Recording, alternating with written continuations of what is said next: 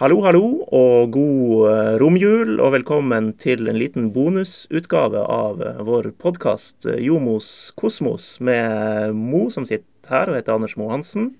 Så har vi en kar eh, ved siden av meg. Jo, hei, som er Jo Nymo Matland. Ja, Ho, ho, ho. OK. Og så har vi fått med oss eh, en eh, bergenser. eh, Født bergenser, kunstgresselger, eh, reality-kjendis. Og har spilt litt fotball også. Ole Martin Norst, eh, hallo. Hallo, hallo, og tusen takk for at jeg fikk komme. Ja, det skulle bare mangle. Når du, når du kunne komme, så, så får vi det til, vet du. Ja, jeg frykta for at jeg måtte være på julaften hvis vi skulle få det til, men eh, dere hadde litt tid i romjula, så det, det er veldig hyggelig. Ja. Var det en grei oppsummering av, eh, av hvem du er? Ja, du har jo glemt noen plasser, da. Vi har jo en ti-tolv plasser til, men, eh, men kortversjonen eh, høres veldig bra ut. Ja. Og nå altså selv kunstgress og idrettsunderlag med, med Nord-Norge som ansvar. Ja, det stemmer det. Vi, eh, jeg jobber i, i Unisport. Vi leverer alt av idrettsutstyr og idrettsanlegg, og jeg har da ansvaret for i hovedsak kunstgress og friidrett. Og friidrett òg, ja. Ja, friidrettsbaner så må vi også få lagt, vet du, til Får du gjort noe med Valhall i Tromsø? det, Om kommunen stiller penger, så kommer jeg opp på første fly. Ja, det høres lovende ut. Um, fotball i dag, er det noe av det? Du, det er ingenting. Jeg Ingenting? har Nei. Jeg, jeg ser mye fotball. eh, spiller ingenting sjøl. Jeg har eh, Jeg var jo så heldig egentlig å holde på med fotball til jeg var 38 og et halvt. Og da var det nok. Da gikk jeg mektig lei. Og så prøvde jeg meg på et comeback eh, nede i Fevik i Grimstad for en fjerdedivisjonsklubb som heter Ekspress. Okay. Hvor for øvrig eh, Roy Ludvigsen var trener og er trener fortsatt. ok. Harstadværingen Roy Ludvigsen, som Ja, ja. du husker han jo? Ja ikke det? Ja. Jo da. Jeg kunne spørre om jeg kunne spille eh, ja, en time eller eh, noe sånt. Eh, Og det gjorde jeg, eh, men det var ikke noe gøy. Det var, det var, eh, det var Jeg fant definitivt ut at, at det nivået her var eh, verken eller. Halvparten på laget var OK fotballspillere og, og forsto litt. eh, De resterende halvparten var helt håpløse og bare kødda rundt. Så jeg klarte ikke å finne ut om det her var seriøst eller bare for kødd. Så, så det var ikke noe eh, Nei, jeg la opp igjen. Igjen. Men eh, siden sist eh, vi satt der, jeg må bare adressere der litt òg, Jo. Mm. Siden, siden sist vi satt her, har det skjedd litt i din klubb, Tuil, Ja. som har fått ny, ny trener. Eller gammel trener. Ja, det har jo vært treneravgang og ja, alt. Nei, det har jo vært eh, mye styr, men um, det har nå heldigvis eh, løst seg på en uh, positiv måte til slutt. da. Så det er jo dårlig lederskap som har blitt retta opp av godt lederskap, tror jeg vi, vi sier om det. Men er det harmoni nå, og man ser frem og Ja, alle, så vidt jeg vet, er fornøyd med den løsninga som har vært og er nå. Så, så jeg er i hvert fall personlig kjempefornøyd. Det er alltid harmoni så lenge det er ferie. For Ja. Så må du starte på igjen. Ja, ja, ja. Nå har vi jo hatt ferie snart to måneder, så det blir jo bare bedre og bedre. i januar da kommer eh, Da kommer smell. Da kommer smellen. smell. Ja. Ja. Ja, OK.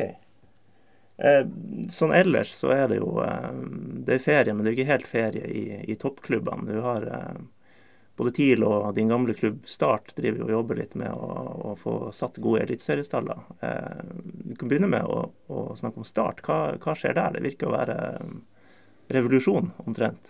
Ja, du kan gjerne kalle det revolusjon. Det er, det er jo kommet en investorgruppe som har eh, tjent seg steinrik, for å si det mildt, på, eh, innenfor gambling. Mm. Uh, unge kristiansandere som har bygd opp et uh, gambling-imperie. Og har alltid hatt en drøm om å ta over Start, og nå åpner det seg mulighet. Uh, de fikk lov til det under heftige diskusjoner både innad i, i Start og selvfølgelig i forbundet òg. Det er jo en ny måte å, å tenke det å, å eie og drifte en, en klubb på. Eh, stille frisk kapital, og ikke minst eh, en, en, eh, vilje og en ny måte å tenke på til det å, å sette sammen en, eh, en toppfotballklubb. Og, og, eh, de har jo rusta opp administrasjonen, det var det første de gjorde. Mm. Så det ble ansatt direktører i øst og vest, og flesteparten der nede tror at nå er det en ny sånn solerepoke. Nå skal det sløses. Nå, nå går det helt galt. Men, men det her har de gjort møysommelig, og, og det her er gjennomtenkt. Og så er de i en fase nå hvor de skal selvfølgelig styrke stallen, for det er de nødt til å gjøre. Skal de beholde eh, å være i Eliteserien også i 2019. Så, så, um, så langt uh, litt sånn eh, skeptisk ennå. Det har kommet tre afrikanere, én svenske. Ja. Det, og ny trener. Og ny trener, ikke minst. Det er jo selvfølgelig. positivt. Og ny logo. Ny, ja, både òg. Ja, Det ble tre nye logoer. OK. Ja, så det ble, de, de måtte, det ble jo et rabalder uten like. Det, Ja, ja. Ei løve som så ut som, eh, som NAF-logoen. Det var det første som slo meg. Jøss, skal NAF være sponsor i starten nå? Eh, og det kjente jeg også. Jeg, er veldig overraska over meg sjøl at jeg klarte å engasjere meg i det. Men jeg gjorde faktisk det. For, for meg så er det noen ting man ikke rokker med. Man kan gjerne flikke på en gammel logo, men ha utgangspunkt i en eh, 120 år gammel logo. Det, det må du ikke kødde med. Så eh, det det ble til, da, at de beholder den gamle logoen på offisielle klubbting. Også denne løvesaken skal være type sånne markedsting på Ah, ok. eh, hettegensere og sånn her. Det er det de tror. eh, De har brukt det som eksempel, da. De skal selge mye hettegensere. Og så har de utvikla en eh, tredje logo som er litt pynta på av den gamle, som skal brukes til ja, mm, litt andre ting. Ja. Så eh, bare for å gjøre det komplisert.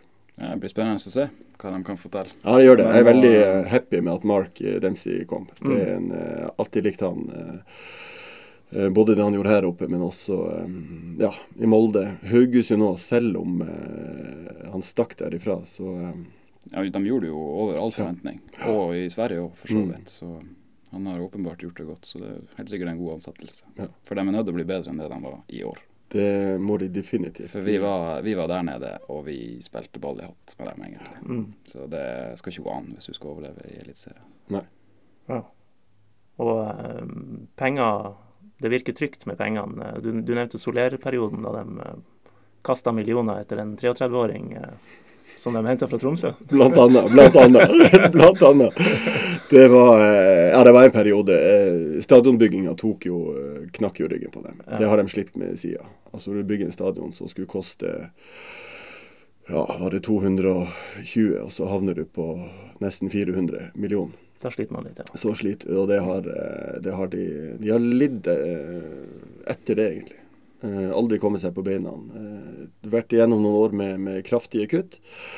Og så gjelder det å begynne å, å, å bygge igjen. Så, så det er veldig spennende det som skjer der. De er flinkere rundt om i, i nærmiljøet. Eh, Samarbeid med klubbene, det har vært et stort problem der nede før. Mm. Veldig stort. De har ikke vært gode nok til det.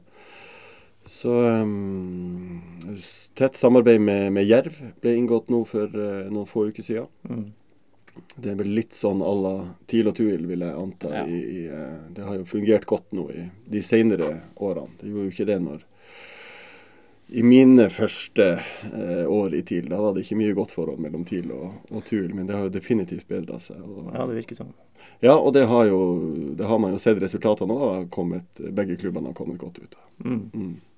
Eh, TIL, akkurat det med å pleie forhold til, til klubber, har de sikkert litt å gå på fortsatt, ut i, i distriktet og sånt. Men eh, hva du tenker om deres situasjon nå, og hva de bør gjøre i vinter? For å kunne vinne serien, som Valakari har snakka om.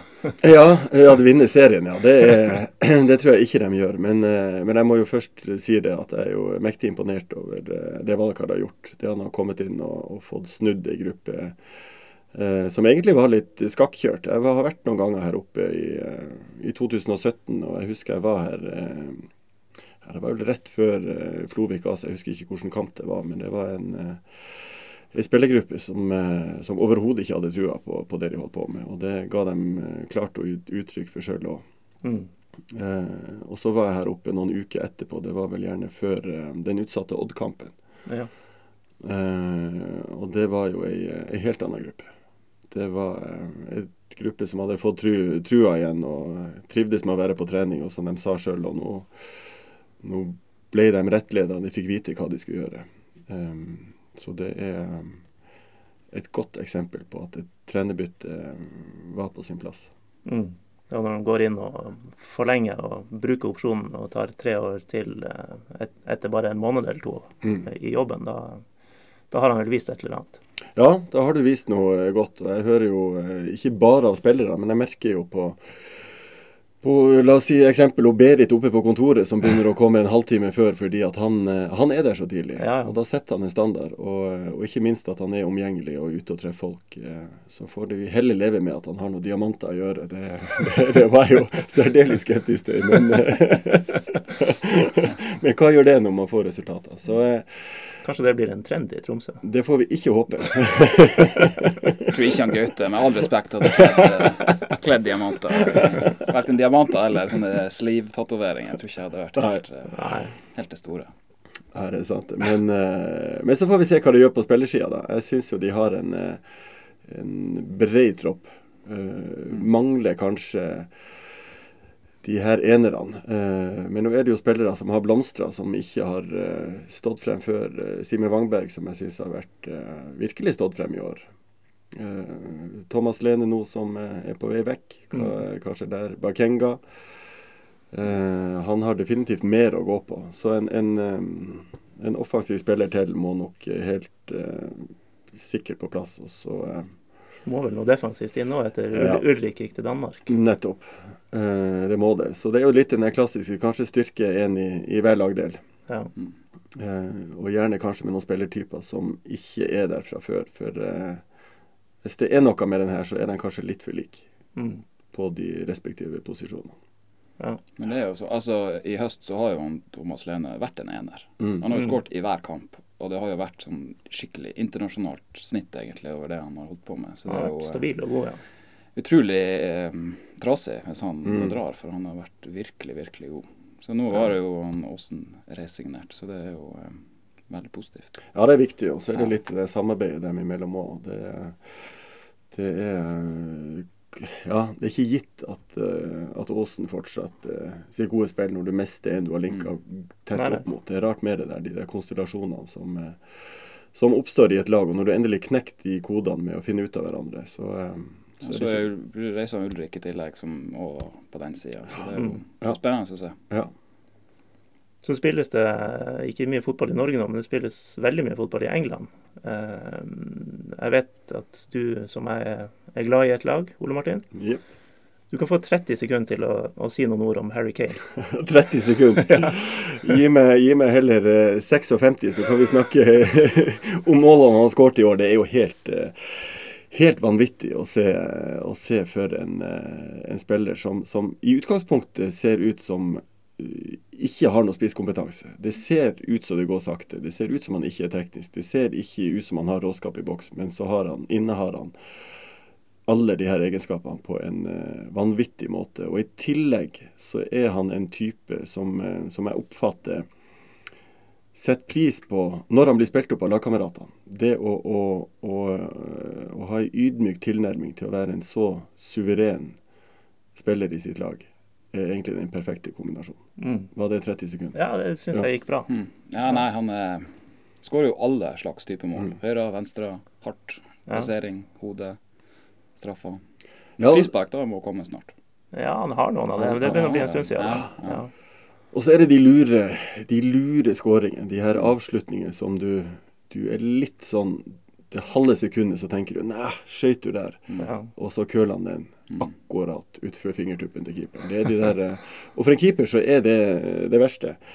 Jeg husker jeg og Knut Borch, vår gamle TIL-keeper, vi hadde jo et tett samarbeid hvor vi jobba veldig veldig tett med å, å utfordre hverandre på hva er verst for en keeper, og hva er verst for en spiss. Og da er det nettopp de tingene der, å få de skuddene som du ikke forventer. En ting er at du, du finner tyngdepunktet og balansen som keeper når du, når du ser det kommer et skudd. Det er ganske åpenbart at her kommer han til å skyte, og han kommer til å skyte med høyre. Men i eh, ubalanse, i, med forsvarsspillet foran, mellom bein, med tåa, med litt sånn her, det er det verste. Da har du mista overtaket som keeper. Ja. Mm. Så det skal ikke se så pent ut. Det er, nå, nå skårer jo han pene mål, da, men med spisser som, som Mål er mål. Mål er mål. Ja. Sprett litt sånn Ja. inn i, rolig inn i hjørnet. Det, holder det. Og Derfor er jeg litt sånn, jeg ser de her spissene som kommer opp nå. Nå skal det se flott ut. Nå Ja. skal du ha det perfekte første touch, og du skal få de riktige stegene, og du skal køle den hit og dit. Og det er litt sånn til med, med skal jeg, Espejord. Jeg vil se mer litt med tåa, litt uh, returer. Hvor, Ja. hvor er Tren på å gå på returer. Være, sette de på åpent mål. Det må ikke se så pent ut hele tida. Ja. Det var vel det som var med, og Cristiano Ronaldo var en sånn dribleving som skulle køle han knallhardt i krysset hver gang. Så, men han fikk jo bare beskjed om at du, trenger ikke skyte i krysset, Mm. du trenger bare å skyte i mål. eh, Ja. Og da så gikk han fra 10 til 40 mål på en sesong, så det er jo Siden, siden du har ordet, så kan jo du få si 30 sekunder om eh, Manchester United, da. Ja, nei, jeg er jo Fortsatt på på en andreplass. måte men Jeg er jo United-supporter. Men hvis United og City f.eks. spiller samtidig, så ser jeg på City. Ah, ok. Så kjipt syns jeg det er med United for tida. Fordi at det er kjedelig fotball. Dritkjedelig Ja. fotball, eh, kjedelige typer, sur Mourinho som jo egentlig har ingenting å klage på. Eh, ja, jeg ser liksom ikke helt hvordan det skal bli så mye bedre. Ja. Eh, og det syns jeg er litt kjipt. Så jeg vil ha Mourinho out. Oi, du er der, ja. Ja. Ok. Bare, bare føye til. Jeg sitter jo og ser når jeg er hjemme her, da, så er jo uh, fattern på 85 er jo opptatt av fotball Mm. og ser det. Og han uh, kommenterte nå når vi satt og så United uh, for noen dager siden. Så sier han at, at um, det er jo ikke noen spillertyper der som, som, som han vet om. Mm. Ingen han kjenner. Så måtte jeg jo ranse, da. De har jo Zlatan og Pogba og ja, hva de har gjort i det siste? Ingenting, sier han. Og det er klar beskjed fra Ja, ja, ja. Nei, det, det er helt eh, planløst. og um, Nei, det er altfor mange som prøver altfor mye hele tida. Mm. Og da blir det bare surr. Så det er ikke noe Det er tydelig at det er dårlig coaching som er ute og går. Nå er jo- være litt brå, kanskje. Ja, det, Jeg har vunnet Champions League og Han har gjort noe, Mourinho. Ja, han har jo fått Ja. det litt til. Men i de siste årene så har ikke det vært all verden. Nei. Hvem skulle du tenkt å se deg hvis du fikk velge, bortsett fra Porcetino? Da er jo Guardiola, men det er jo like uaktuelt. Mm, nei Det er jo et godt spørsmål. Tuchel, kanskje. Mm. Han er litt sånn ung og sprek og vil presse høyt og trykke til litt. Så. Trodde du skulle si Gaute Helstrup eller Simo Valakari. Ja, men det er jo, det er jo helt umulig. Sitter på lange kontrakter begge to. Umulig Ja, å er løse ut. Mm. Ja. Du ser en blå drakt, og så ei legevakt, Ole Talberg. Du glemmer aldri møtet med han Ole Talberg. Du kjenner det når du har møtt han Ole Talberg. Når vi har det her, Ole Martin, vi må, vi må se litt bakover i tid på, på din karriere. Eh, som jo begynte med Skarp. Det var der det begynte å, å bli bøtta inn mål på, på brukbart nivå, som gjorde at du da kom tilbake til TIL, der du en gang i tida ble matchvinner i Norway Cup-finalen. Um, og så ble du cupmester med TIL i 1996. Uh, Skåra et ikke helt uviktig mål der. Um, og du har tidligere fortalt litt om hvorfor du ikke var med på feiringa i Tromsø av cupgullet i 1996. Nå kan du gjerne få, få fortelle det igjen, fra, fra A til Å. Fra A til Å. Ja, den er jo, eh, den er jo litt eh, Jeg skal prøve å gjøre den kort, men, men eh, jeg var jo i, militæret, da. Rekruttskole på Madla i Stavanger. Det vil si, jeg var jo ikke så mye der, men, men jeg var jo innrullert og lå på rom sammen med Thomas Heide og Rune Lange. Vi lå vel på 16-mannsrom da. Den detaljen var jeg ikke klar over. Nei. Ja, vi dro inn sammen, og eh, Håvard Karlsen, som også var i TIL sin avstand, var også med da, men han havna på et annet rom. Men meg og Thomas og Rune Lange havna på samme rom. Jeg var jo veldig lite der. altså Det var en hektisk periode med mye kamper. Jeg var på U21-landslaget, og det var, det var, det var cupfinale og alt det, så, så eh, det var mye fri. Men så kom vi altså frem til, til cupfinalen, og jeg var ikke så veldig nøye på å fylle ut søknader om, eh, om fri til min kvartermester der nede, og øh, gjorde jo ikke det denne gangen heller. Så jeg stakk jo mange dager før cupfinalen. Vi skulle jo trene, og det var mye vi skulle gjøre her oppe. Og litt sånn muntlig sa at jeg er tilbake på øh, mandag etter cupfinalen. Uh, han var, fantes jo ikke fotballinteressert og visste hva, eh, hvorfor jeg skulle dra. Og, og, for det første så dro jo jeg uten lov da, så jeg skulle egentlig da ha refs når jeg kom tilbake. Men uansett. Det var før mobiltelefonens tid, så du ble ikke nedringt, eller? Nei. Nei. Det var eh, min jobb å ta kontakt, og, og, eh, men det var jo rett og slett en tjuvperm. God, gammeldags tjuvperm. Mm. Eh, og så vinner vi cupfinalen. Resten av laget reiser opp til, eh, til Tromsø med chartra fly rett etter eh, kampen eller rett etter banketten og skal feire der. Men eh, jeg har jo Jeg må jo tilbake til, til Madla. Eh, og Sigurd, som også skårte i cupfinalen og ble matchvinner der, eh, blir også igjen i Oslo. Han skulle på eh, Jeg vet ikke om det var landslagssamling eller hva det skulle være, men han hadde i alle fall et ærend han skulle gjøre. Jeg tror det var noen interesserte klubber i ja. bildet der òg. Mm. Det var noe sånt. Ja, det stemmer det. Ja. Så det ender med at meg og Sigurd blir igjen i Oslo og selvfølgelig feire. Vi, vi må jo feire et vår første cupgull. Det er bare på sin, sin plass. Ja. Og det blir jo ei feiring som står i stil til at du har vunnet cupfinalen. Og vi, vi, er sammen med noen eh, venner av oss, og så går vi inn på um, en restaurant som heter Tre Brødre, som ligger på Karl Johan. Og nå er det to versjoner av, av hvordan jeg forlot lokalet. Jeg minnes det som om at jeg, jeg, jeg mista en sko. Og lokalet var fullt, og jeg valgte å forlate eh, Tre brødre og gå på en ny plass. Stille, pent og rolig. Ja. ja. Sigurds versjon er at, eh, at jeg blir eh, bedt om å forlate lokalet og få kasta en sko etter meg etter at jeg har eh, blitt pælma ut av Tre brødre. Så kan dere velge sjøl eh, hva som er, er sant. Det er hvordan jeg tror på. Ja.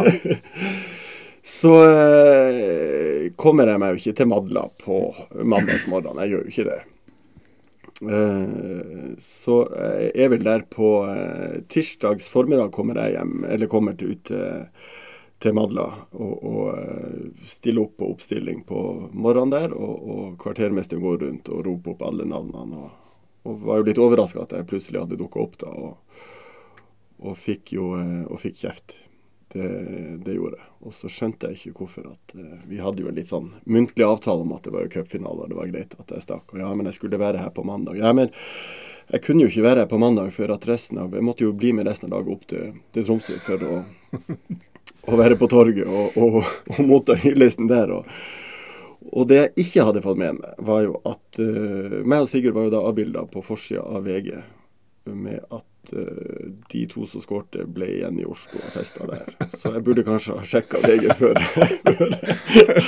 så uh, ja, jeg var ikke så populær hos uh, kvartermesteren i, på Madda. Så det var den. sånn var det. Men det er vel det å komme seg til Madla på mandagen, det var ikke veldig aktuelt? Nei, det var ikke det. det var, nå var det jo sånn at vi fikk, meg og Sigurd fikk være og suite på Grand det var jo på Grand banketten var og sånt, så det var vel forbundet som betalte de her hotellrommene. Så det var jo det var helt greit å ta ei ekstra natt på Grand-hotellet der enn å dra på 16-mannsrom med Thomas Eide og, og, og, Rune Lange. jeg forstår det. Eh, men så, etter noen gode år i TIL, eh, skåring mot Chelsea eh, og osv., så, eh, så ble du solgt til Belgia. Egentlig til Anderlecht, men det er vel kanskje ikke Anderlecht du huskes best i Belgia? Nei, det er vel ikke det. Og det er nok ikke Anderlecht jeg husker best heller. Det var for all del det var en, en fin klubb å, å, å, komme til, men det var en eh, svær klubb, og det var en kaotisk klubb. Mm. Det var eh, treneren som kjøpte meg, René van der Eiken, han fikk sparken ni dager etter eh, jeg kom.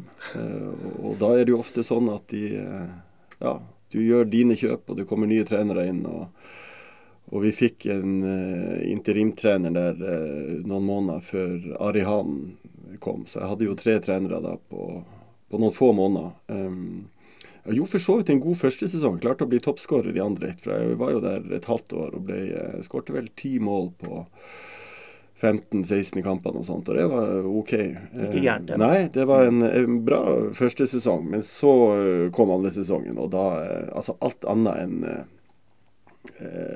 en gull for Anderlecht er, er katastrofe. Mm. Det er Rosenborg ganger seks der nede. Så, så vi fikk eh, Ja. jeg tror vi lå eh, seks Etter seks-syv serierunder så lå vi vel nesten sist, og da var det spissen sin skyld. Så da, eh, da spilte ikke jeg mye det resten av den sesongen der, så det Ja. 98-99-sesongen var, var Den var mørk. Ja. Men så var det Gent og Solid og 30 mål på en sesong. Ja, jeg ble jo kjent med Det vil si, jeg kjente jo Trond fra før, så han kom jo ned da til Gent. og og vi var eh, faktisk en del sammen mens jeg var i Anderlecht og han var trener i, Gent, og, og, møttes hyppig. og, og eh, så fant han ut at eh, jeg hadde jo passa perfekt i både hans spillesystem og eh, i klubb. Så han prøvde å kjøpe meg og fikk det til eh, sommeren 99. Eh, mm. Det var vel en ja, det var vel en ganske rekordsum for Gent. Altså, det var jo da en relativt liten klubb. En, en sånn midt på treet-klubb i, i Belgia på den tida. Mm.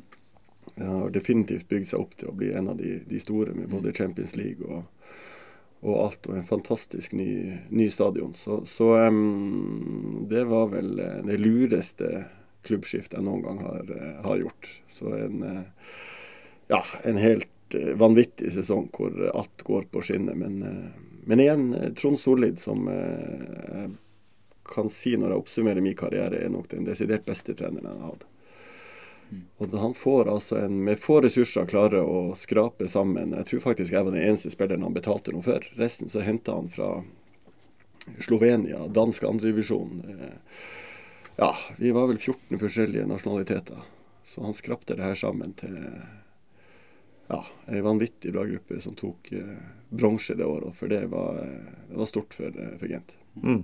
Jeg husker jeg var oppe og spilte en treningskamp på Alfheim. og det var det var tydelig et bedre lag, bedre fotballag enn TIL, som spilte utpå der. Det husker jeg. Ja, det var det. Jeg traff eh, min gode venn og forlover Thomas Hafstad for et par dager siden. Han snakka vi også om den kampen, og han sa det at de fikk rett og slett rundhjuling. Ja. Uh, så det var et uh, særdeles godt lag. Um, en av spillerne der nådde jo virkelig langt. og han var jo lagkamerat med i Standa Liesjå. Mm. Ivica Dragotinovic, som fikk, eh, ble europamester med europacupmester med Sevilla to år på rad. var det vel ja, mm. ja. Så han hadde seg fem år i Sevilla og spilte fastback der. og og en artig historie er jo at, eh, at uh, vi har god tid, har vi ikke det? Ja, ja. ja.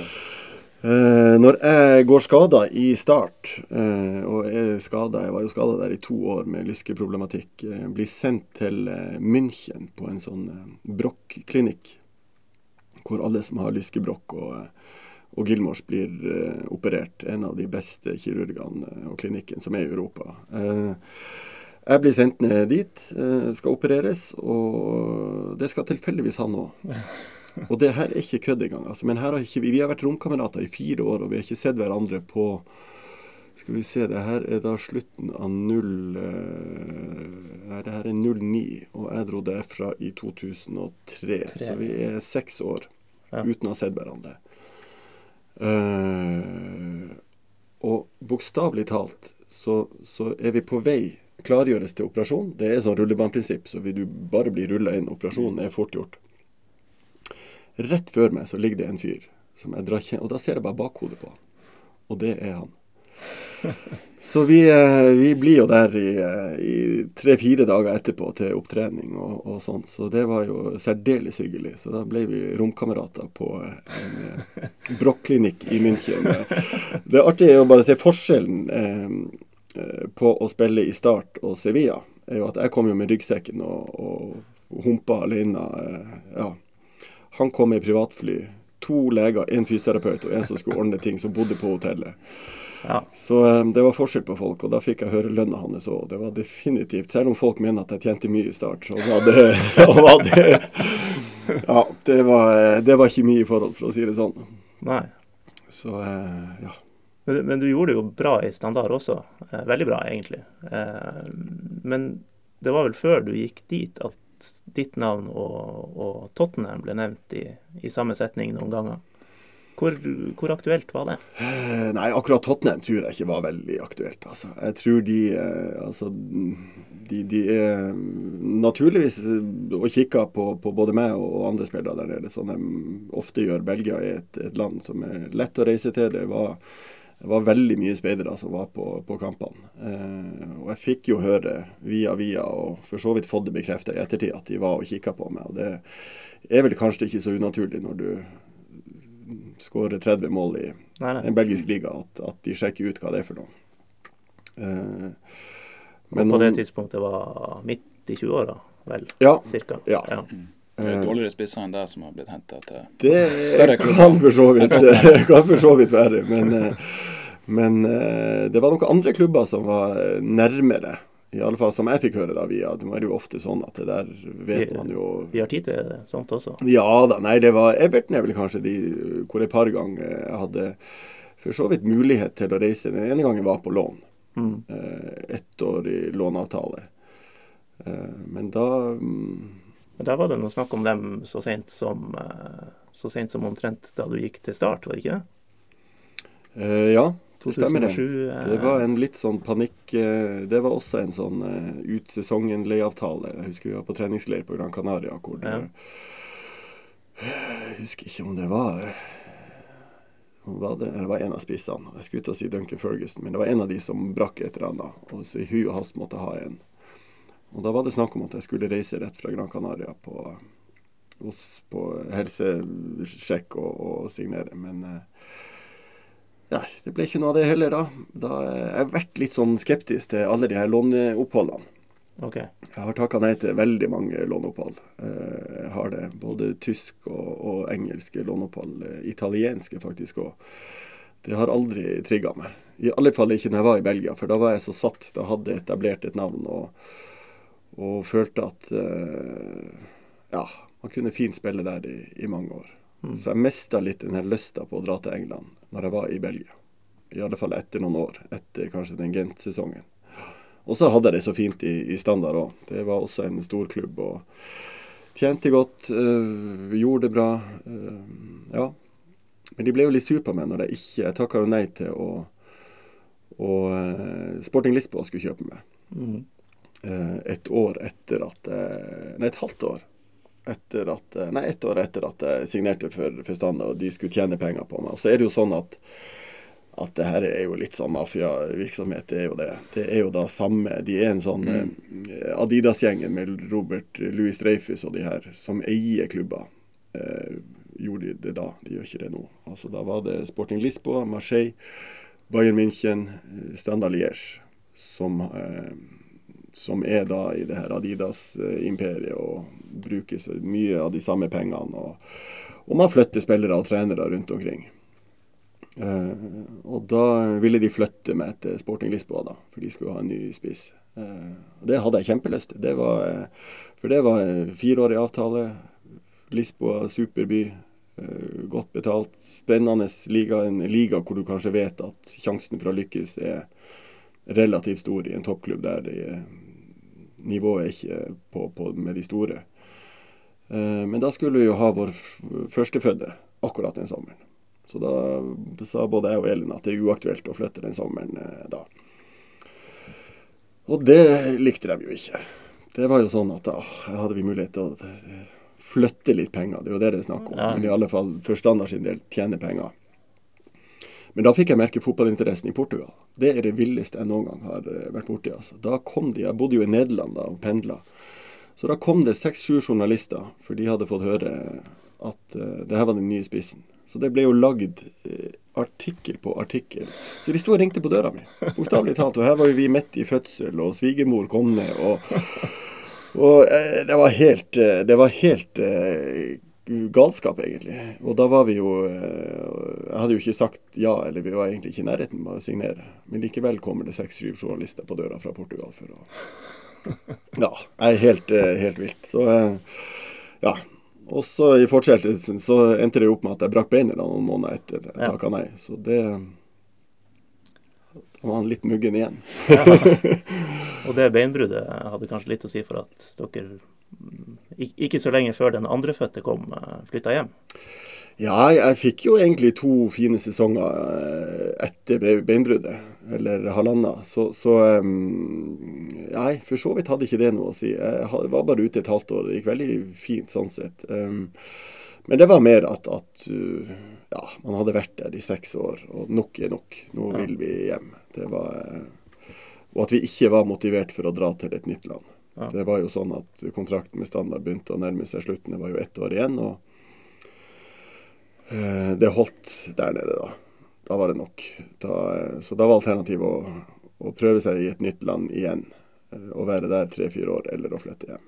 Så eh, det var veldig mange faktorer som tilsier at det å flytte hjem var, var rett. Men det var jo en kamp i seg sjøl. Og nå har jo dere hatt Gunnar Wilhelmsen her på som gjest, og det er vel bare én mann som kunne ha klart å, eh, å få prata ned den prisen på, eh, på en spiller som jeg skårte vel eh, ja, hadde 19 mål den sesongen. I, så egentlig et hett objekt i slutten av av 20-årene. og Mm.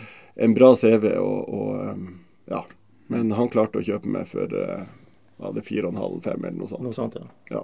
Det er vel fortsatt TILs dyreste kjøp, da, det skal sies. Men, Ja. men som når du, når, du, når du tar med alle de faktorene der, er det jo ikke noe eh, Det, det er jo ikke svindyrt. De mente vel at markedsverdien var eh, noen og 20. Ja. Eh, Standard kjøpte meg vel for 25, og, og etter med å ha gjort det såpass godt, og, og eh, så mente de vel det. Det var iallfall det jeg var bokført som verdi der. Og, og det ble vel også en avtale mellom TIL og Standard at de, i tillegg til de pengene, så skulle de ha en ung spiller Ja. på papiret som skulle være en Ja, det her er sånn i forhold til verdien på, på stallen til Standard. Da. Det var sånn det, det Mm. opererte. Så det ble vel eh, det ble vel Skal vi se hvem Det ble vel gjerne Ruben.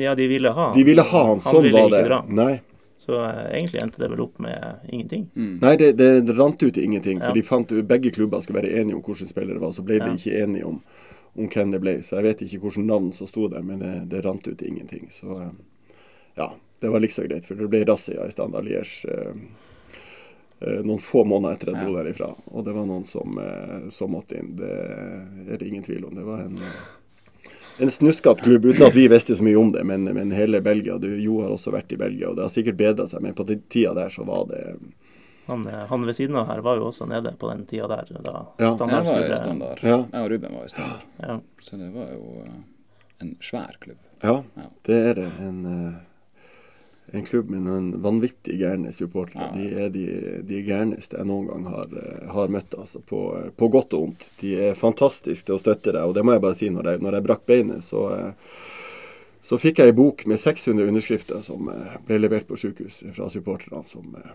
blir friske, og vi heier på deg. Så det var fantastisk. Eh, Men det var de samme supporterne som eh, som smadra bilene våre etter vi tapte 6-0 borte for Westerlo.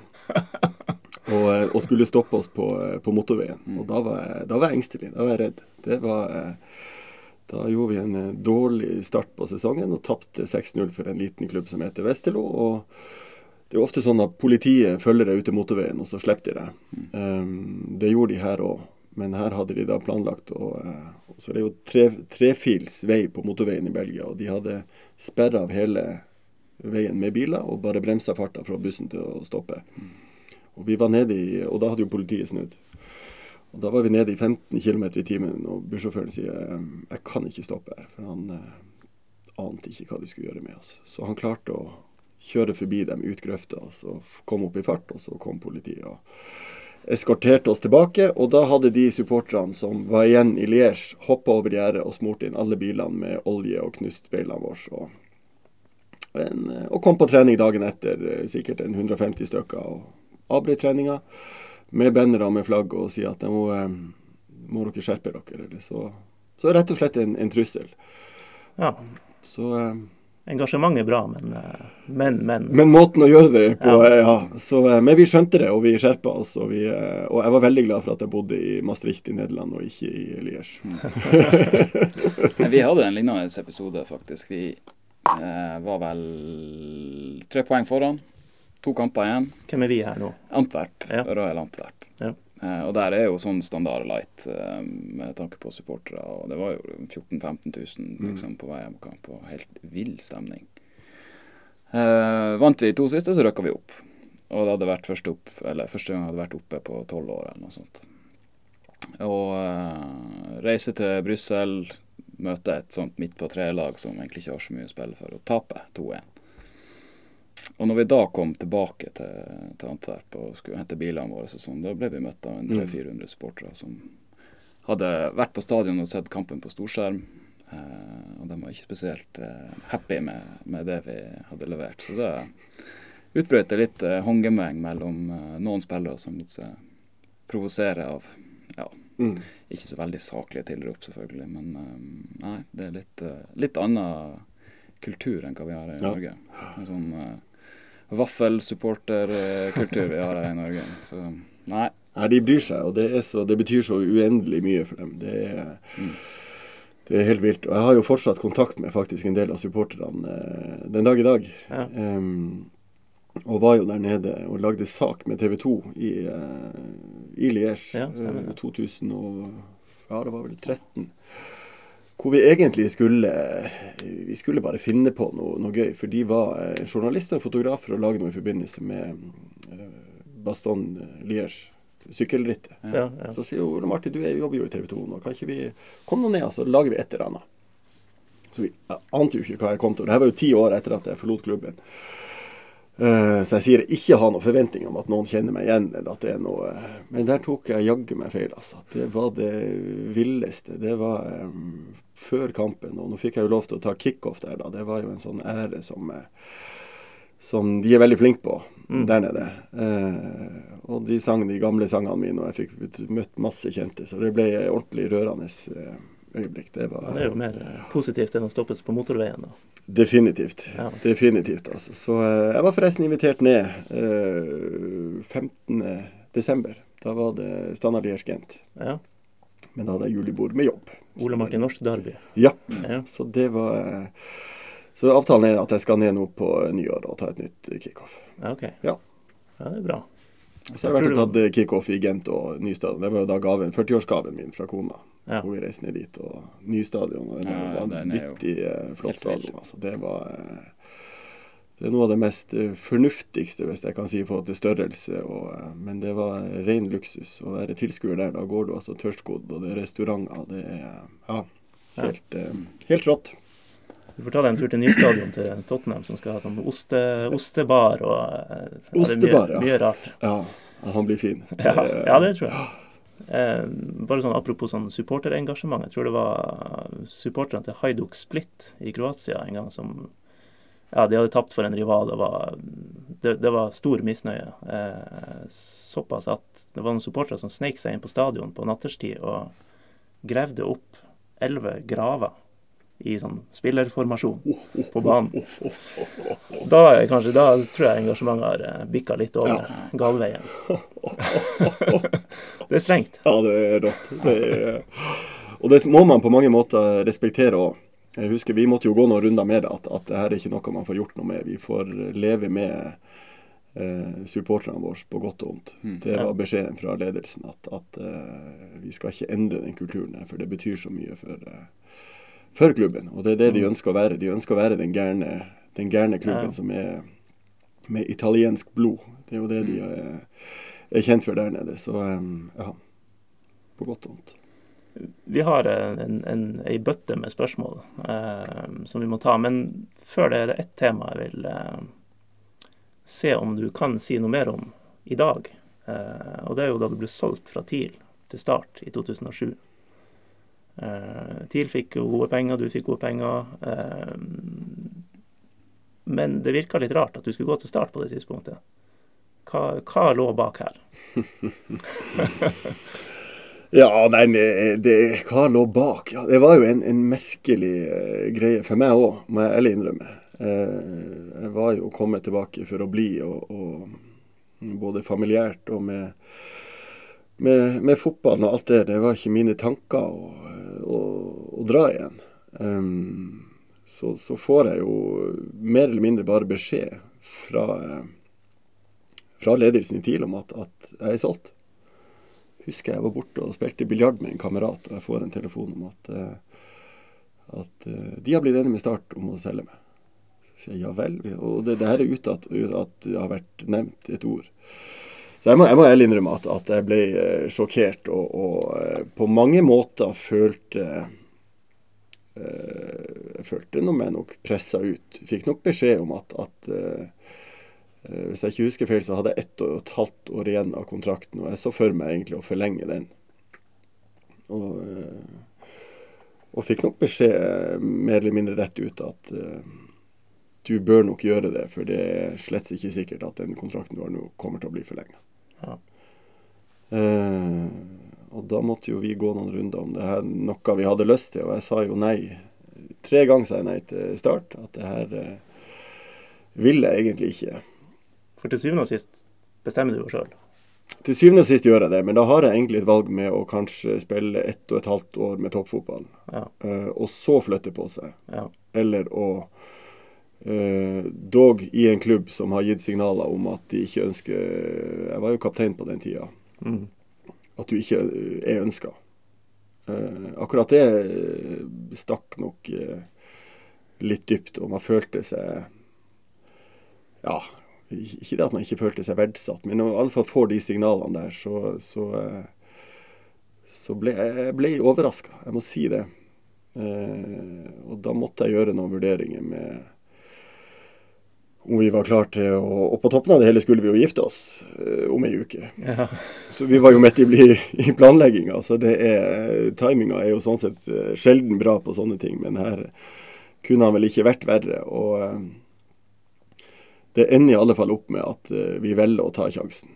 Og, og Svein Mathisen er vel den som eh, ringer meg sist, sammen med Bjørneby, som da var trener, at eh, de vil så veldig gjerne at jeg skal komme ned. og og ehm, ja. Og overbeviste meg om at det her kom til å bli bra. Så vi hoppa i det, tok sjansen og, ehm, og, ehm, og gjorde det. Mm. Men det var mest eh, På den tida var det jo Steinar var trener, og det var litt sånn snakk om Ville han egentlig selge det? Men eh, det er mest leder, ledelsen du her følte påtrykk fra, da? Ja, jeg har snakka med Steinar masse i ettertid, og for så vidt da, og han sa eh, krystallklart at han ville overhodet ikke selge meg. Mm. Det er, jeg var hans kaptein, og, og, eh, og han hadde gitt krystallklar beskjed at eh, det her ønska han ikke. Så det var mot hans vilje. Ja. ja, nei, det var liksom Ole Martin Norsk til start. Det var, jeg tror den stakk, eh, det stakk i hjertet til flere enn en bare det. Ja, nei, eh, det er i alle fall eh, historien. Og det er litt sånn eh, Jeg ønsker ikke å fremstå som noe bitter eh, der og da, eller noe, noe eh, Derfor sa vi ganske lite om det. Eh, Begge, alle tre parter, egentlig. Så, så eh, Ja. Sånn er i alle fall historien. Men Det det er, jo, det vi snakka om sist når vi hadde om Valakaret her, om klubbene sin lojalitet overfor spillerne. Alle klager på at spillere er illojale, men her har du liksom en Tromsø-gutt som ofrer kanskje noen av de beste årene av sin karriere eh, til å komme tilbake og spille for TIL, og så får han på en måte den behandlinga der. Så Ja. det er jo Men er det, Ja. var det muligheten til å få gode penger for en 33-åring, da? Det var det det handla om egentlig for TIL. Det er nok det som er ja, ja. deres vurdering. Ja. Ja. At Du skal jo ikke legge skjul på at, klubben sleit jo økonomisk eh, Ja, ja. de årene her. Det, det er det ingen tvil om. Og, eh, ja, det var i alle fall eh, det de ønska der og da. Så, så ble det sånn. Så de Ja. fikk på mange måter viljen sin. Og eh, ja, har egentlig ikke snakka så mye med, med de som var involvert om det i ettertid. Eh, Jeg tror kanskje det har vært eh, litt ubehagelig. Ja. Det er business. For dere har det i hvert fall fungert såpass bra at dere fortsatt bor der nede. Ja da. Vi trives veldig godt på, på Sørlandet, og vi flytta jo ned når hun eldste skulle begynne på skolen. da. Mm. Så det er jo litt sånn, det var jo også en vurdering at OK, skulle vi, skulle vi flytte på, så var det lurere å gjøre det nå enn enn halvannet år etterpå, når, når da kontrakten gikk ut. Ja. Om man skulle fortsette å spille. Det vet man jo ikke om man ville ha gjort. det, Mest sannsynlig ikke. Da hadde man lagt opp. Så em, ja. Så sånn sett så eh, kan man ikke si at man har angra på det, men man ante jo ingenting. Var det én by jeg visste minst om i, i landet her, så var det kanskje Kristiansand. Og, og, og tilbrakt min, minst tid i når man har vært og spilt der. Da er det jo som regel bare å inn på hotell og, og rett hjem igjen. Så jeg hadde veldig Ja, ikke har jeg vært på Kvartfestivalen eller noe. Så jeg har ikke jeg har ingen Jeg hadde liksom ingen eh, referanser derifra. Nei. Mm. Ja. Men trives der nå? Stortrives. Veldig, veldig godt. Uh, fint å komme hjem til, til Tromsø på ferie og sånn, men vi, vi stortrives virkelig der nede og har et uh, stort nettverk der. Og med ja, jobb og privat og alt det. Så um, ja. Men um, for at det ikke skal bli um, 2018 før vi er ferdige her, så, så tror jeg vi må gyve løs på, på en del spørsmål. For vi har, vi har noen. Ja. Da jeg skrek jeg, jeg alle, De andre de sang, og jeg gråt. Det første spørsmålet som, som kom til oss, kom fra Jesper Mathisen. Hei, Det Jesper. kom, ja, hei Jesper. Det kom veldig, veldig fort. Eh, og det er rett og slett Du har sett det, vet jeg, på Twitter. Eh, hvorfor er du så usportslig på tennisbanen?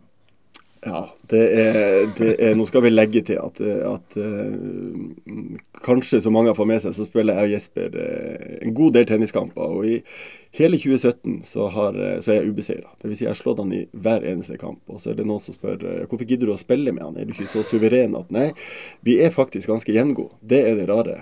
Men så, så bikker det i min favør hver eneste gang.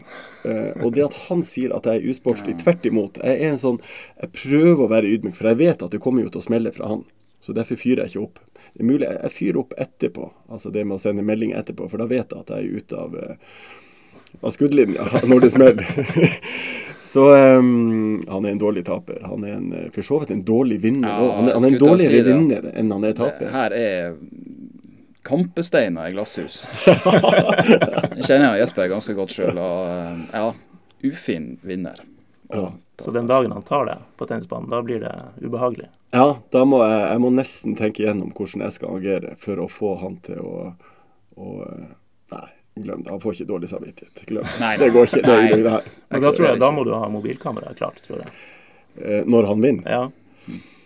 Ja, jeg bør kanskje det. Jeg skal eh, Nei, det sørger han nok for sjøl. Ja, det, det tror jeg òg. Men vi, vi, har, eh, vi har flere tennisspørsmål. Eh, Ja. Andreas Ebeltoft spør på Twitter kan du slå Jesper i tennis med ei stekepanne. Det skal jeg nok klare, for jeg spiller såpass safe at jeg verken skrur eller køler og gjør mye sånn fancy stuff. Så jeg er såpass enkel tennisspiller at det er kanskje litt tung, tung men hvis det er lett, er lett til flompanne, så, så tror jeg det hadde gått fint. Det her høres ut som noe som må, må skje, da. Oi. ja, vi kan prøve. Det ja, Vi får se et game eller noe sånt. et game. Ja. Um, og så spør eh, Mats Inge Dølør om du vil karakterisere deg som en Borg, en Becker eller en McEnroe. Nå har vi vel kanskje fått med oss at, at Jesper er vel så mye McEnroe. da. Det skulle jeg akkurat ja. si. Han skal få ta Mac-en. Jeg ser for meg en, mer en, en Boris Becker-type. Ja. Eh, Stor rekkevidde. Bra serve. Litt sånn god allrounder. eh, Ja, det vil jeg definitivt. eh, Bjørn Borg var vel over mange år tilbake. ja. Og Becker spilte med høyre, og det har jeg sett at du gjør òg. Ja. Sjøl om du spilte fotball med venstre. Ja da. Jeg er, det sier meg vel at jeg i utgangspunktet ikke i, var venstrebeint. Mm. Eh, For jeg kan minnes mine første år på fotballøkka at, jeg, at det var mest høyre. Men så skulle jeg lære meg også med venstre, og så gikk det ganske bra. Så jeg tror faktisk sånn, sånn egentlig, om det er noe genetikk her, så tror jeg egentlig jeg er veldig høyre høyrevridd. Er det lov å si det? For du skriver med Skriv med høyre. eh, Alt som Ja. fingreier jeg skal gjøre, med, gjør jeg med høyre. Og så er jeg venstrebeint. Jeg skriver med venstre og kaster med høyre. Jeg skyter jo med venstre. Og så klipper jeg med høyre. Altså Med saks. Ja. Ja. Yes. Så um, jeg skulle sikkert egentlig vært høyrehendt, iallfall. Ja. For jeg skriver jo så mye kråker med venstre. så jeg skulle jo sikkert egentlig ha skrevet med høyre, men det er nå for seint, det nå. Ja. Jeg husker jeg var på, når jeg var liten på sånn her eh, seksårskontroll. Og da mutter'n har den rapporten hjemme, da står det at jeg hadde dårlig motorikk. så in your face. ja, men det er jo ikke, det er jo ikke rart når du skrev med nei, nei, nei. Så ja. Ja. Mm. Ja.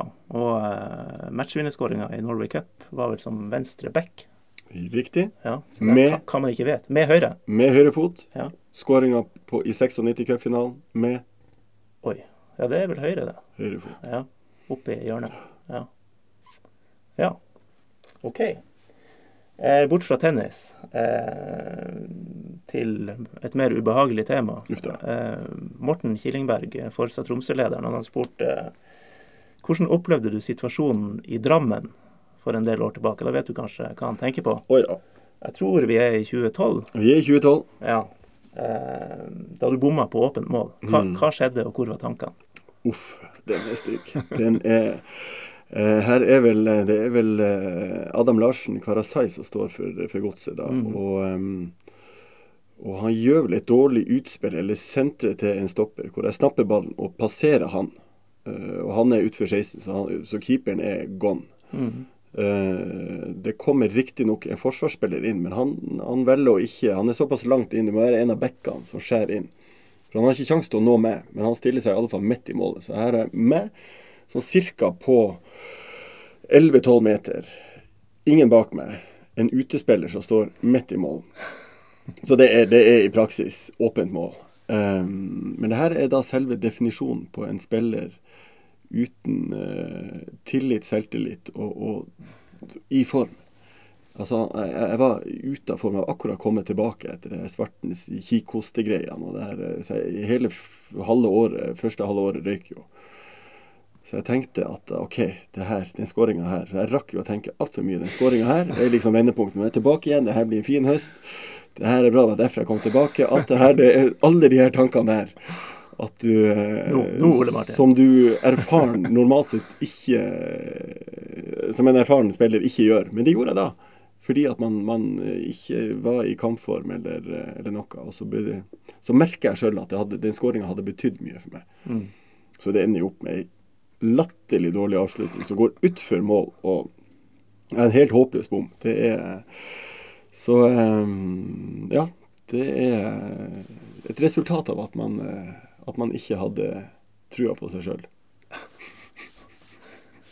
Litt enklere tema. Eh, Marius Helgå spør eh, kort på Twitter. Ribbe eller pinnekjøtt? Pinnekjøtt. Pinnekjøtt. Ja, ribbe. Født i Bergen.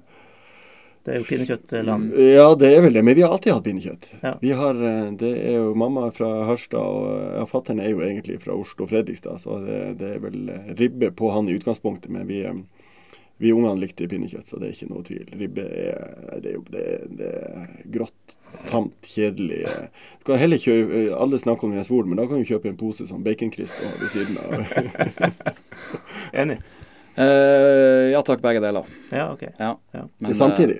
Altså, Ja, gjerne det. Ja. Men vi har eh, brukt å ha ene pulaten og andre, og så bytter vi. Så Ja. er har litt sånn rotasjonspolicy hjemme. men da må det være svisker til, må det ikke det til ribba? Nei, vi har eh, rosenkål Ja. med litt sånn soya Ja, nei. Fatter'n han er god til å lage mat. Så han lager ribbe. Du hadde likt ribbe, han også. ja, men det er bra. Okay. Det er- Jeg har til gode å smake sånn saftig, god ribbe. Det og kalkun. Ja, Kalkun, kalkun blir jo Ja, kalkun er det sånn er der, eh, ja. Eh, Det er ikke Ja. Du må ha mye saus. Du må mye saus. Ja. Ja. OK, det var det. Det var det. Eh, Andreas Seipajärvi, gammel keeper, eh, Mm. spør på Twitter eh, hvem hadde størst potensial, men slo aldri igjennom av dem du har spilt med i barne- og ungdomsfotballen? Ja. Kult spørsmål. Det var et uh, veldig bra spørsmål, og det er for så vidt uh, uh, ganske mange. Det er veldig få av de jeg har spilt lamme som har nådd langt. Eh, selv om eh, egentlig utrolig nok etter å ha vært på såpass mange gode lag, eh, både i Fløya og ikke minst i, i TIL, hvor vi ja, vi vant Norway Cup, vi vant NM, vi vant egentlig alt det som kunne være. Og, og eh, veldig mange som hadde landskamper de årene der. men skal jeg trekke frem én, så må det være Rune Ivan Pettersen. Som var da midtstopper på eh, det nevnte Norway Cup-laget. Svær og sterk. Svær, sterk venstrebeint stopper. Som Ja. var, han hadde fysikk ut av en helt annen verden. En vanvittig venstrefot. Eh, Og verst av alt, han var ikke gæren teknisk heller. Og han, han var vel den første av oss som kom eh, eh, på landslaget. Jeg tror han var på gutte 15. Ja. Det husker jo vi var veldig stort. At det var vi slåss jo om å komme med på kretslagene og de her. Men Rune Ivan tok hele steget ut og, og var på landslaget. Eh, så eh, Han var i skarp han var i skarp etter det. Han fikk, eh, fikk seg noen år der. Men han eh, mener jeg kunne ha nådd veldig langt. Han kunne ha vært Altså, det her er jo da Han var jo Frode Kippe. Ja. Altså, akkurat altså, Det var med fysikk og spillestil. og Ja, ja. Han var faktisk enda raskere og bedre teknisk. og Han var, han var, han var en plugg. Ja. Det var, var synd ikke Rune Ivan eh, Jeg tipper han er, Og han var en ærgjerrig type òg. Hadde han fått muligheten i en tippeligaklubb da, så tror jeg faktisk han hadde tatt den. Mm. Mm. Rune Ivan Pettersen. Rune Ivan Pettersen fra Kvaløya. ja. Ja. Um, ja, Tom Erik Eilertsen spør på Twitter, vi vet for så vidt svaret, men det står på Wikipedia at du har kamper for Han, han sier eh, nydelige Brage Trondenes i Harstad. Det stemmer vel det? Det, ja da, det er korrekt. Det er av eh, årene vi bodde i Harstad. Så eh, som seksåring så eh, fikk jeg meg ett år og en sesong i Brage Trondenes. Grønne og hvite drakter.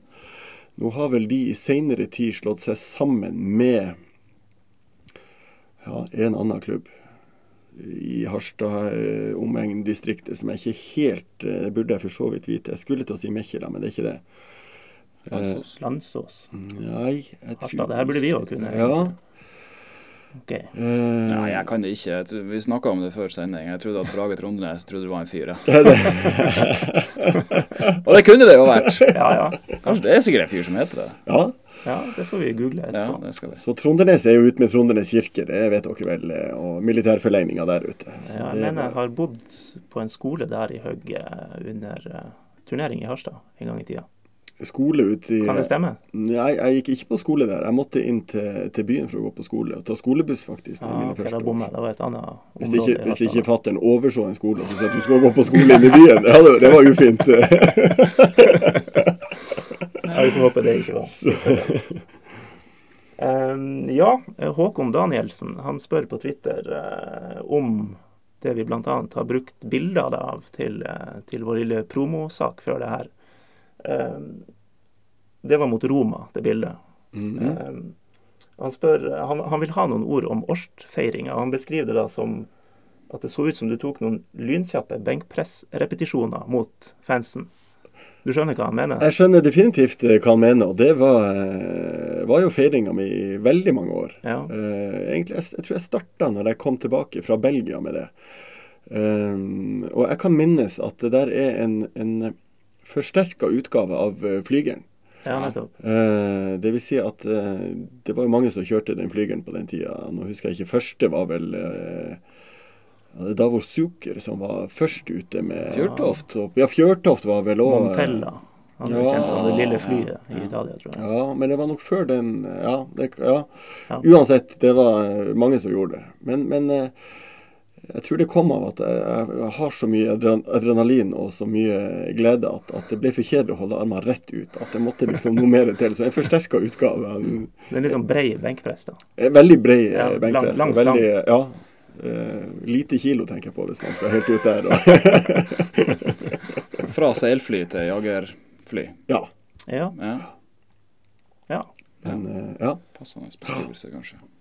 Um, litt mer. De har ikke med feiring å gjøre, men eh, litt sånn fysikk. Stian Andersen på Twitter spør om krumming av nakken. Om det er trenbart eller medfødt. Det er definitivt eh, trenbart. Eh, jeg har sett videoer av meg sjøl når jeg var liten, og da, eh, krummer jeg ikke nakken.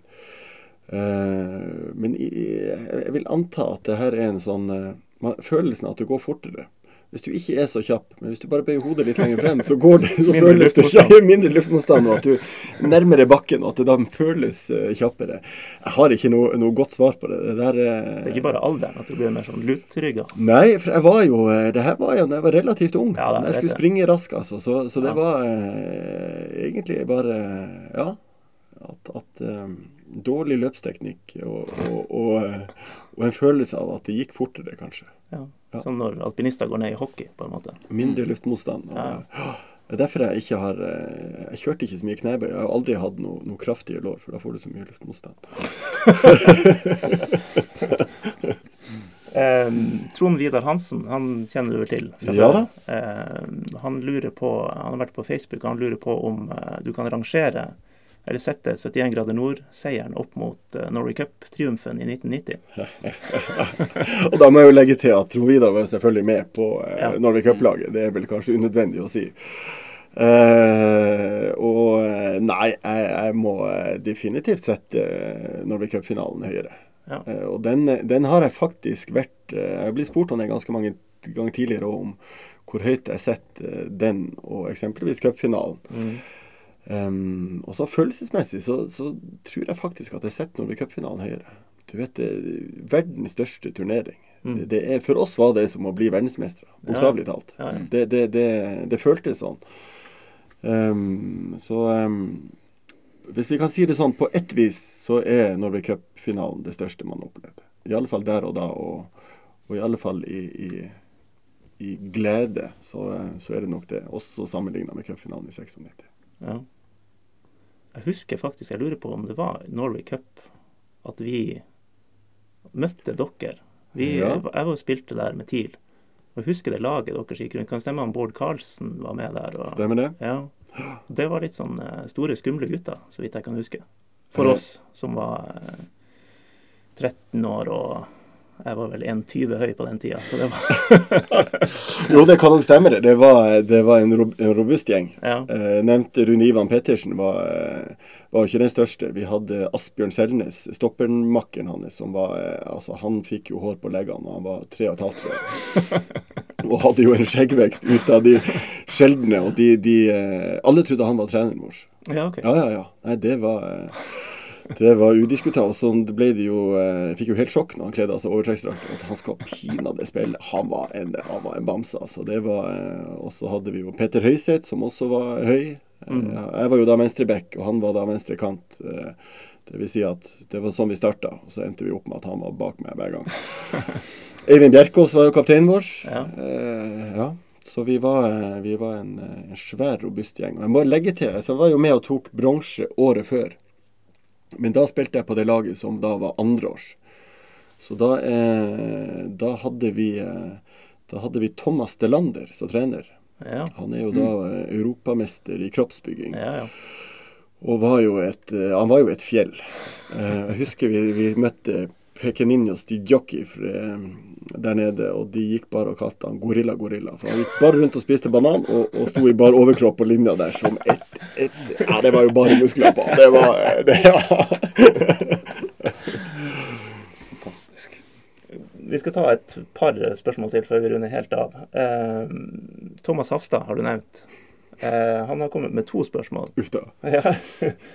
Eh, Det første er vel ledende på et vis. Har du noen gang pressa dine 43 føtter eh, ned i skostørrelse 39 for å oppnå noe? Eh, Det er korrekt. For å oppnå hva? For å komme inn på en uteplass, eh, diskotek i Newcastle. det, det her var jo en treningsleir på midten av 90-tallet hvor, eh, hvor de på den tida eh, var nøye med hvilket skotøy du hadde. Eh, det hadde jo ikke jeg pakka med. Hadde jo knapt nok pakka med fotballsko. Så um, Hafstad hadde jo, uh, i og med at han er veldig glad i å gå ut, så hadde han med seg to par. Så jeg fikk jo da låne det ene paret. Men uh, som sagt, uh, han har 39, jeg har 43. Um, Er det mulig? Får man det til? Ja, det går fint. Hvis du åpner Det var snøring på dem, da. Så hvis du bare åpner snøringa og krøller tærne, så klarer du fint en fire-fem timer på Og så må du selvfølgelig bedøve Ja. resten av eh, ja, ja. Resten av eh, sentralnervesystemet? Så det var, det var veldig hyggelig, det. Så takk for lånet, Thomas. Eh, og vi, eh, vi var jo romkamerater, så vi dro hjem sammen med, med Thomas sine sko. Hadde Ja. to par sko med hjem òg. Spørsmål to er kortere. Har du enda båt? Jeg har båt. Her ligger det òg noe bak, føler jeg. Ja, det gjør jo eh, helt eh, sikkert det. Eh, Det er mulig at det blir veldig internt, men eh, jeg har jo hatt en trener som, eh, som, kanskje, ikke, som kanskje ikke registrerer Jeg trenger ikke å si at han var en trener, jeg kan si at jeg har jobba med en som kanskje ikke hørte like godt etter når man stilte spørsmål. Og det her spørsmålet fikk jo jeg da seks-syv ganger på rad om jeg da hadde båt. Og, og eh, min, eh, det var jo en del lagkamerater som fikk med seg det her, og de knakk jo sammen etter at jeg fortalte det. At, at det her er litt sånn eh, teit nå, for nå har han spurt tre ganger det samme spørsmålet på noen få dagers mellomrom. Og jeg svarte samme hver gang, at ja, jeg har, jeg har båt. Og etter at de ble obs på det, så satt vi på en flyplass ute i en bortekamp, og vi satt syv-åtte rundt et bord. og Vedkommende setter seg ned og stiller da selvfølgelig det samme spørsmålet. Og det ender jo opp med at de seks andre de knekker jo sammen og legger seg ned på bordet og flirer seg i hjel og prøver jo å skjule det. Og jeg må jo da svare som jeg har gjort de fire ganger før om at jeg fortsatt på Så, um, så um, det er viktig å høre etter hva folk svarer. Det er viktig å stille spørsmål, men det er også viktig å lytte på hva svaret er. Det er sant. Ja. og vi nevner jo ikke navn her, Nei. hvem det gjelder. Nei, nei, det er Nei. Nei. Det, det Tilsvarsrett og sånn. Ja da. Ja. Nei, vi, vi ja. Er du klar for å ha det litt vondt? Ja. Ja. Da, vi, vi nærmer oss slutten her, men uh, vi har snakka om cupfinale. Uff da. Ja, ikke sant. Eh, spørsmål fra eh, en som har signert med sentralkomiteen på Hatteng skole. Eh, Cupfinalen 2012. Du skjønte det var dit du skulle? Ja. Eh, hvordan i all videste verden klarte du å ikke skåre da Nyland redda med ansiktet, og undervurderte TIL Hødd? Og et godt eh, spørsmål, og et betimelig spørsmål. Um, Redninga til Nyland er, er Han har helt rett. Den er midt i ansiktet på han. Uh, Avslutninga mi er igjen, som det er i cupfinalen, med høyre. Ja. Så det her kunne jo da ha vært eh, det, Og det burde ha vært. Det er jo, ja. Eh, men jeg, jeg husker, og jeg har sett i ettertid, at avslutninga er faktisk eh, OK. Litt sånn her bumpy, hoppende ball, hvor jeg bare får avslutta litt trangt. Og, så avslutninga er faktisk helt grei. Og, grei, og, og ja Rein tur. Eh, altså Nyland er jo en sånn eh, går ut i stjerne, gjør seg stor. eh, og vil jo bli truffet, uansett hvor det er. Sånn type keeper er jo han. Og, og får han midt i planeten, altså. Så det er Åh, ja. Åh, det var vondt. Det var eh, Jeg kjente det nå igjen. Nå stakk det. Ja, han, sier at det, han skrev vel også at det fortsatt er et åpent sår i, hos TIL-supporterne. der. Ja, og det kommer det til å være hos meg. Og, og over til litt, eh, for å være seriøs, om vi undervurderte dem. Eh, svaret er ja på det. Eh, og det her er, har jeg snakka med mange om i ettertid, og, og, og det er mange som kan ta lærdom av det her. Jeg ser den uka vi hadde før cupfinalen, var egentlig lagt opp eh, helt håpløs. Helt, helt eh, håpløs. Og det er jeg ikke redd for å, å si nå. Altså, vi gjorde alt mulig annet. Og det er klart det er mye mer støy og mye mer ting som skjer når du, når du skal på en cupfinale. Selvfølgelig er det det, altså. Men det er masse ting du kan unngå. Sjøl være med og, og spille inn eh, cupfinalevideoen i en drøssevis med timer i minus ti grader oppe på Alfheim. Veldig kort tid, for det var for så vidt eh, greit. Men vi, eh, vi drar ned til, til Oslo på fredag og bli med på, eh, på en forestilling med Atle Antonsen på et eller annet teater. Et, et, et, latterlig dårlig forestilling. Eh, tanken er jo god på at vi skal koble av og gjøre noe, men, men det, det, var, det var skivebom, for å si det rett ut. Det var trange seter. Ikke fikk vi nevneverdig mye mat mens vi satt der, eh, og den varte i nesten tre timer. Så fredagen var helt eh, Vi ville bare på hotell og slappe av i. Helt, helt uh, håpløs. Så kom vi til lørdagen hvor vi trener litt. Husker jeg måtte Jeg var med på Lindmo på, eh, på ettermiddagen, på kveldstid der. Og så Det var for så vidt greit at du stiller opp, og sånn. det tar ikke så lang tid. Og det er ikke hele gruppa heller. og og så er vi jo på Rockefeller og møter alle supporterne. Det er hyggelig. Det er veldig fint. Det som irriterer meg grenseløst en dag i dag, er jo at det blir satt på We Are The Champion når vi går, når vi går av scenen. Og det er eh, ikke bra. Hvor dum går det an å bli? Ja, et, et, Nei, et håpløst valg av sang. Eh, Jeg vet ikke hvem som valgte det, men den spiller du ikke dagen før en cupfinale. Uansett hvem du møter. Riktig. Ja. Da vet du at du taper. Ja, det er nesten Ja, så det det kunne bare er ringt ja. og sagt ifra. Ja, vær så god, Hødd. Ja. Og så blir det mye surr på eh, altså Som alle vet, så går jo cupfinalen tidlig. Han går kvart over ett på, på søndags formiddag. Eh, og man er opptatt av rutiner. Det, og vi hadde nesten øvd på hva skal vi ha å spise. Eh, gjerne øve seg på å spise For du, du har jo en frokost og kampmat i ett. Gjerne øve seg på å spise det, faktisk. Og du er vant med det og ser at kroppen Mm. Kan spille en hel kamp med det. Uh, og vi er nøye med hva som uh, hva hotellet får beskjed om om vi skal spise og alt det her, og at det er klart når vi kommer. Og noen vil sove litt lenger enn noen andre, sånn at vi kommer ikke å spise klokka da og da, men det skal være klart sånn at alle skal. Og det er det jo ikke. Det er ingen ledere til stede når vi kommer ned. Så spillerne må faktisk sjøl gå rundt på kjøkkenet her og, og ordne seg mat. Og ikke hadde de spagetti, og ikke hadde de kylling, og ikke hadde de noe fisk og omeletter. Og sånn vi Og det var en eh, Ble det pølse og bacon og eggerøre? Nei, det kom, det kom etter hvert. Ja, okay, Ja. Men da tok det for lang tid. Noen ville spise, og noen spiste ikke det de hadde forberedt på. Det er litt sånne viktige ting når du skal spille en viktig kamp, at du får i den maten du både forventer, og den du har lyst på, og det du har bestilt. Så der eh, skjedde det mye rart. Og så hadde vi noe foredrag med Lars Monsen som jeg mener ikke egna seg to og en halv time før kampstart. Eh, Nettopp. Ja. Ja. Så eh, fortsetter litt til. Ja, ja, ja. Ja, ja. Og så starter mm, vi med noen spillere som eh, ikke vet hva cupfinalen betyr. Eh, og så utelater man tre som bokstavelig talt ville ha brekt beinet for å Og det hadde ikke gjort noe om vi hadde brekt beinet, verken meg eller Hans Åge Yndestad eller Mika Koppinen kunne fint ha eh, ofra både armer og bein i den cupfinalen hvis vi hadde vunnet.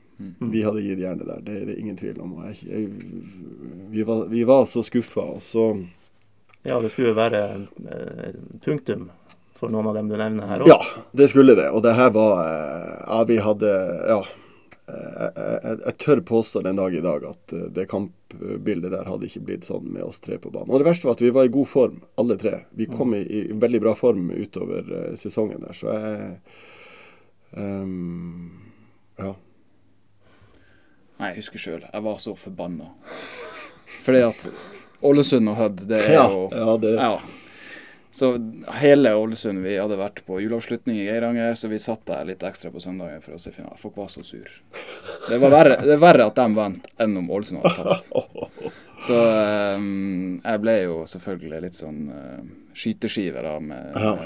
TIL-bakgrunn og sånne ting. Så Skal vi legge til at Hødd hadde Nyland og Helland, og det er vel et par-tre andre der som har blitt gode eliteseriespillere. Sivert. Heltny Nilsen, Ja. eh, Viktor Grodås, eh, Ja. Joakim Aursnes. Altså det, det er for all del masse spillere som, som har eh, Men allikevel. Ja. Det var jo, det var jo nivå, enorm nivåforskjell i starten av kampen. Mm. Jeg husker jeg tenkte at her blir en komfortabel 3-0-seier, ferdig. Og så klarer man å søle det sånn til. Nei, det skal, det skal ikke gå an. Nei, det skal ikke gå an. Det var eh, ja, Det var fælt. Det var vondt. Det det var rett og slett For det var så perfekt eh, avslutning på en karriere. Det her er, det var så velregissert og, og eh, Ja, selvfølgelig skuffa at man ikke fikk spille. At, at eh, kjente at jeg, uken inn mot cupfinalen at det her er egentlig perfekt. Jeg er i kanonbra form. Fikk, fikk være med å avgjøre semifinalen mot Molde. Og skårte jo noen seriemål eh, på høsten der òg. Så jeg følte at eh, ja, jeg og, eh, og Stenek kommer til å starte. Det er jeg 100 sikker på. Men nei, Nei. Tok du straffe? jeg skårte på min, da.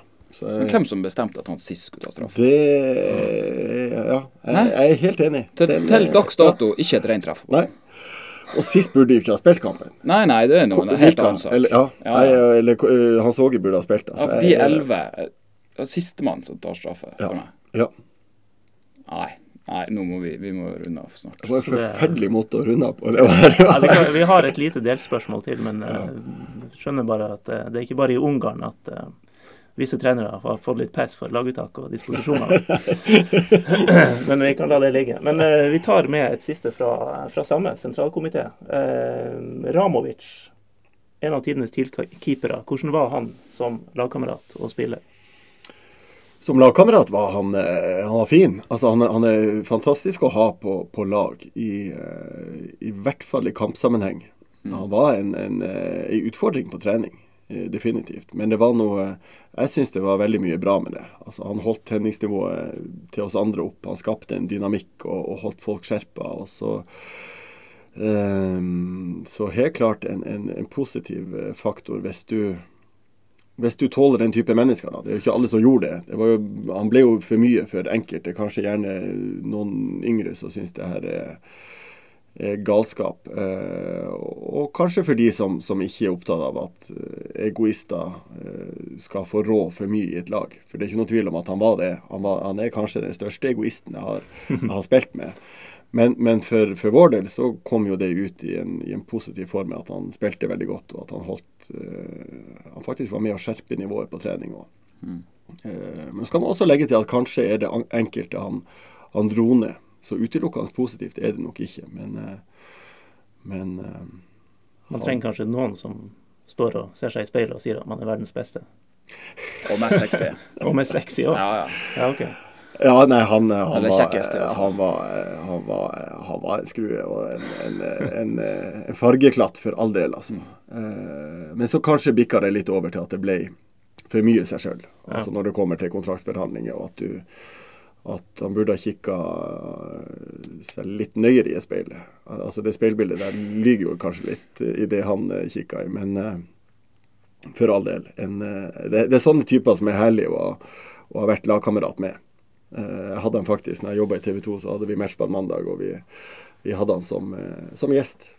Så han reiste opp fra Han bodde vel i bodde vel nede i Balkan og, eller om han flytta til Tyskland igjen. Uansett så, så kom han opp bare for å være med i det programmet. Og det var for å, for å se om han kunne takle Han stamma jo veldig. Uh, og tok et kurs for det, for han ville gå trenergjerninga. Mm. Kursa seg opp til å både bli keepertrener, men også det å være hovedtrener. Og, og, eh, og eh, ville være med i det programmet for å se om det funka på TV òg, at han ikke stamma. Og han stamma ikke ett ord. Så han, eh, Fantastisk å se at, at det var eh, ja, At han fikk orden på det, og en eh, og veldig sånn seriøs type med at han ville inn i fotball og ville være trener. Så jeg vet egentlig ikke hva han gjør nå, skal jeg være helt ærlig. Det hadde vært litt gøy å, å finne ut. Vi eh, skal vel sette punktum. Vi har holdt på fryktelig lenge, men eh, vi får håpe at det eh, tas godt imot hos dem som hører på. Mm. Eh, veldig veldig fint at du kunne komme, Ole Martin. Det var eh, topp. Tusen takk for at jeg fikk komme. Så får vi ta del to eh, jeg kommer opp senere. Etter. Det er vi alltid åpne for. ja, men det er fint. Og hva er, hva er videre på programmet nå? Selge mer eh, kunstgress? Eh, Ja, vi må eh, få solgt noe mer kunstgress. Og nå skal det jo bygges både haller i Tromsdalen hos Jo. Vi leverer jo alt der hvis Ja. de vil ha. Og så skal vel kanskje forhåpentligvis Alfheim stadion skiftes i 2018. Så vi har jo levert det dekket som ligger der nå, og håper jo selvfølgelig å få lagt det i år også. Så um, Kattfjorden skal vi legge en ny bane. Dem har vi skrevet avtale med, så det blir lagt ny syverbane i Kattfjorden nå. Ja, se der. Ser vi deg noe mer på TV, da? Eh, nei, ikke kanskje sånn sånn eh, gjesteopptreden i, eh, hos TV 2 i eh, Jeg hadde en nå i høst. Eh, måtte bare Davy og Jesper masa litt, så jeg måtte si ja en gang før, eh, før sesongen var over. Men eh, nei, jeg tror ikke det. Jeg har For første gang på noen og 20 år så har jeg fri i helgen. Og det har jeg funnet er veldig behagelig og deilig. Så eh, jeg tror kanskje ikke noe i 2018, men vi får se de årene eh, etter der. Det kan hende at lysta kommer tilbake. Så får vi følge med når neste sesong av Skal vi danse kommer. Det skal jeg selvfølgelig godt med på. Det, var, det sa jeg, jeg må ærlig innrømme at eh, jeg fikk en forespørsel før den som var. Eh, Da eh, har jeg ei kone som er veldig fornuftig og evner å, å innse både mine begrensninger og familiens eh, eh, begrensninger. At eh, det her kan du eh, fint takke nei til uten at eh, Tror du hadde gjort det? Ja. Ja. Jeg tror eh, Hvis Tor André kan, så kan Pino Ja. det òg. Faktisk akkurat det jeg tenkte. Men tusen takk, Ole Martin. Vi snakkes garantert igjen. Og det gjør i hvert fall vi, tror jeg. Ja, det gjør vi. Ja. Da sier vi eh, som vi bruker. Snakkes. Mm. Hei, hei. Snakkes. Hi, Philip. Great match today. Congrats, 30 years. Have a nice Saturday. Congrats again. Have a nice evening. We take them all. Just take them all. Have a nice evening. Happy birthday. Happy birthday.